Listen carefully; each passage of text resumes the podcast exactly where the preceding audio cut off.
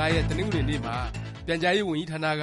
တရုတ်ပြည်ဆိုင်ရာ နိုင်ငံရေး၊စီးပွားရေး လေ့လာသုံးသပ်ချက် စာတမ်း တစ်စောင် ထုတ်ပြန်ပြီး ဆွေးနွေးပွဲ တစ်ခု လုပ်ပါတယ်။အဲဒီ ဆွေးနွေးပွဲကို ပြန်ကြားရေးဝန်ကြီးဌာနက ဖွဲ့စည်းထားတဲ့ မြန်မာရေးရာ လေ့လာရေး အဖွဲ့က ပြုလုပ်တာဖြစ်ပြီး ပြန်ကြားရေးဝန်ကြီး ဦးဖေမြင့်၊အင်န်အယ်လ်ဒီ ပါတီ ခေါင်းဆောင်တွေ၊လွှတ်တော်အမတ်တွေနဲ့ နိုင်ငံရေး၊စစ်ရေး လေ့လာသုံးသပ်သူတွေ၊သုတေသန သမားတွေ တက်ရောက်ပါတယ်။တိုက်ဆိုင်တယ်လို့ ဆိုရမလား၊အဲဒီနေ့မှာပဲ iSP လို့ခေါ်တဲ့ မြန်မာ့မဟာဗျူဟာနဲ့မူဝါဒလေ့လာရေး အင်စတီကျုကလည်း သူတို့ ပြုစုထားတဲ့ တရုတ်နိုင်ငံဆိုင်ရာ စာတမ်းတစ်စောင် မိတ်ဆက်တဲ့ပွဲ လုပ်ပါတယ်။စာတမ်းကို“တရုတ်ဇ။်အလွှာစုံ ဆက်ဆံရေး မဟာဗျူဟာနှင့် မြန်မာနိုင်ငံဇ။်ပကတိ အခြေအနေ”လို့ ခေါင်းစဉ်တပ်ထားပြီး iSP ရဲ့ တရုတ်လေ့လာရေးဌာန တာဝန်ခံ ဒေါ်ခင်ခင်ကျော်ကြီးက ပြုစုထားတယ်လို့ ဆိုပါတယ်။တရုတ်နိုင်ငံဟာ မြန်မာနိုင်ငံရဲ့ အင်အားကြီး အိမ်နီးချင်းနိုင်ငံ တစ်နိုင်ငံဖြစ်ပြီး မြန်မာနဲ့ ရှည်လျားတဲ့ ဆက်ဆံရေး သမိုင်းကြောင်းရှိတဲ့ နိုင်ငံဖြစ်ရုံမက မြန်မာ့နိုင်ငံရေး၊စီးပွားရေး၊လူမှုရေးနဲ့ ပတ်သက်ပြီး အရေးပါတဲ့ နိုင်ငံလည်း ဖြစ်နေပါတယ်။တရုတ်နိုင်ငံအကြောင်း လေ့လာဖို့ ဘယ်လောက် လိုနေပြီလဲ၊အဲလို လေ့လာချက် စာတမ်းတွေဟာ မြန်မာ့နိုင်ငံရေး၊စီးပွားရေး ဖြစ်ပေါ်တိုးတက်မှုကို ဘယ်လို သက်ရောက်မှု ရှိနိုင်မလဲ ဆိုတာ ခုတစ်ပတ် လေ့လာ ဆန်းစစ်ကြည့်ပါမယ်။ပြန်ကြားရေးဝန်ကြီးဌာနဟာ မြန်မာ့ရေးရာ လေ့လာရေး အဖွဲ့ဆိုတာကို ဖွဲ့စည်းထားပါတယ်။ နိုင်ငံရေးကျွမ်းကျင်တဲ့ သတင်းစာဆရာနဲ့ သုတေသီတစ်ချို့ပါဝင်ပြီး အခြားသော သတင်းစာဆရာတွေ၊နိုင်ငံရေး ဝေဖန်သုံးသပ်သူတွေ၊စာရေးဆရာတွေ၊သုတေသီတွေကို မိတ်ဖက်ပြုပြီးတော့လည်း စာတမ်းပြုစုတာ၊စာတမ်းဖတ်တာ၊စာအုပ်စာစောင်ထုတ်ဝေတာ လုပ်နေတဲ့ အဖွဲ့အစည်းတစ်ခုပါ။နိုင်ငံအတွက် လိုအပ်တဲ့ စာတမ်းတွေပြုစုပြီး ပြန်ကြားရေးဝန်ကြီးဌာနကနေ တဆင့် အစိုးရအဖွဲ့ကို အကြံဉာဏ် အထောက်အကူပေးဖို့ ရည်ရွယ်ဖွဲ့စည်းလုပ်ကိုင်နေတဲ့ အဖွဲ့အစည်းလို့ သိရပါတယ်။လက်ရှိ မြန်မာ့နိုင်ငံရေး၊စီးပွားရေးမှာ တရုတ်နိုင်ငံဟာတစ်နေ့တစ်ခြား အလွန်အရေးပါတဲ့ အခန်းကဏ္ဍက ပါဝင်နေတာမို့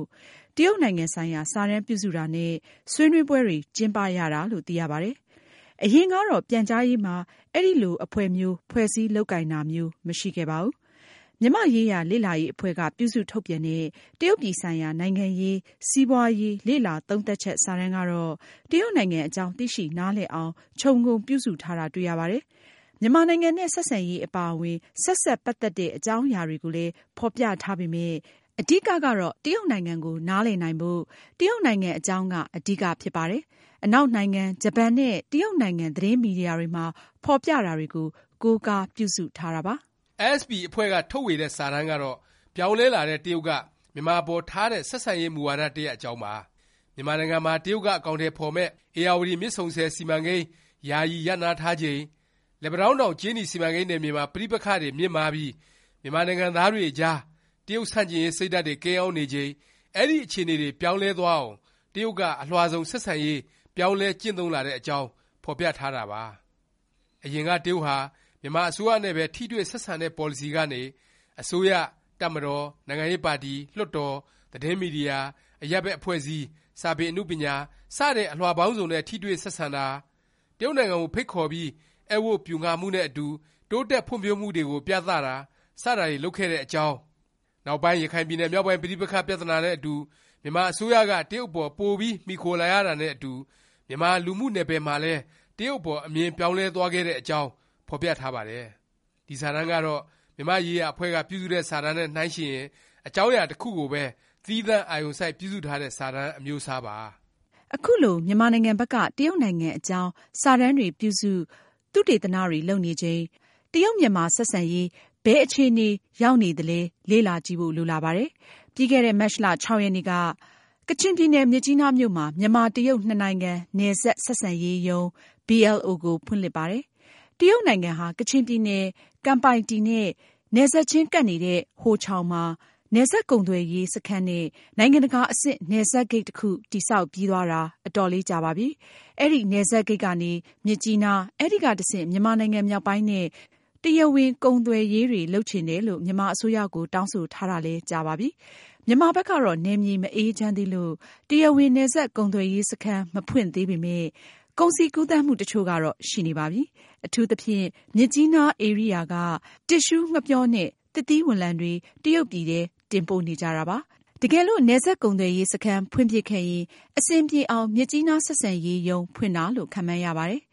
အဲဒီ မတ်လ ၆ ရက်နေ့မှာပဲ မြန်မာနဲ့ တရုတ် တာဝန်ရှိသူတွေဟာ နေပြည်တော်မှာ မန္တလေး-ထီးချိုင့်-မူဆယ် အမြန်လမ်းစီမံကိန်းနဲ့ နေပြည်တော်-ကျောက်ဖြူ အဝေးပြေးလမ်းမကြီး စီမံကိန်း ဆောင်ရွက်ဖို့ ဖြစ်နိုင်ခြေရှိမှု လေ့လာတဲ့ သဘောတူညီချက် တစ်စောင် လက်မှတ်ရေးထိုးပါတယ်။တကယ်တော့ ယူနန်ပြည်နယ် နယ်စပ် ရွှေလီကနေ ရခိုင်ပြည်နယ် ကျောက်ဖြူအထိ တရုတ်က လမ်းဖေါက်ချင်တယ်ဆိုတာ သိထားကြပေမယ့် ဒီတစ်ကြိမ်ကတော့ လက်တွေ့ MoU ထိုးတဲ့အဆင့် ရောက်လာတာပါ။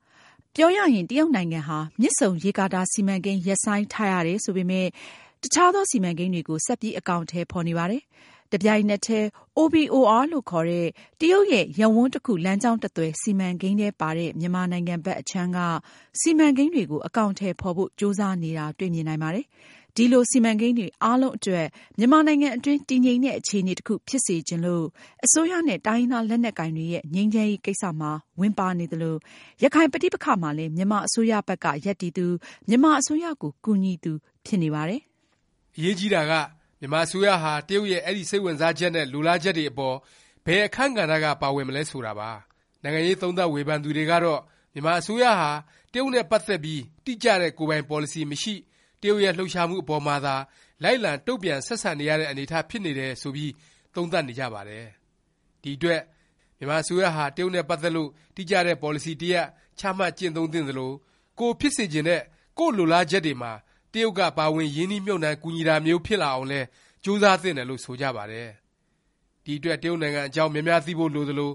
သုတေသနလည်း များများလုပ်ပြီး မူဝါဒ ချမှတ်မယ့် အစိုးရအဖွဲ့ကို ကူညီဖို့ လိုအပ်နေပါကြောင်း သုံးသပ်တင်ပြလိုက်ရပါတယ်။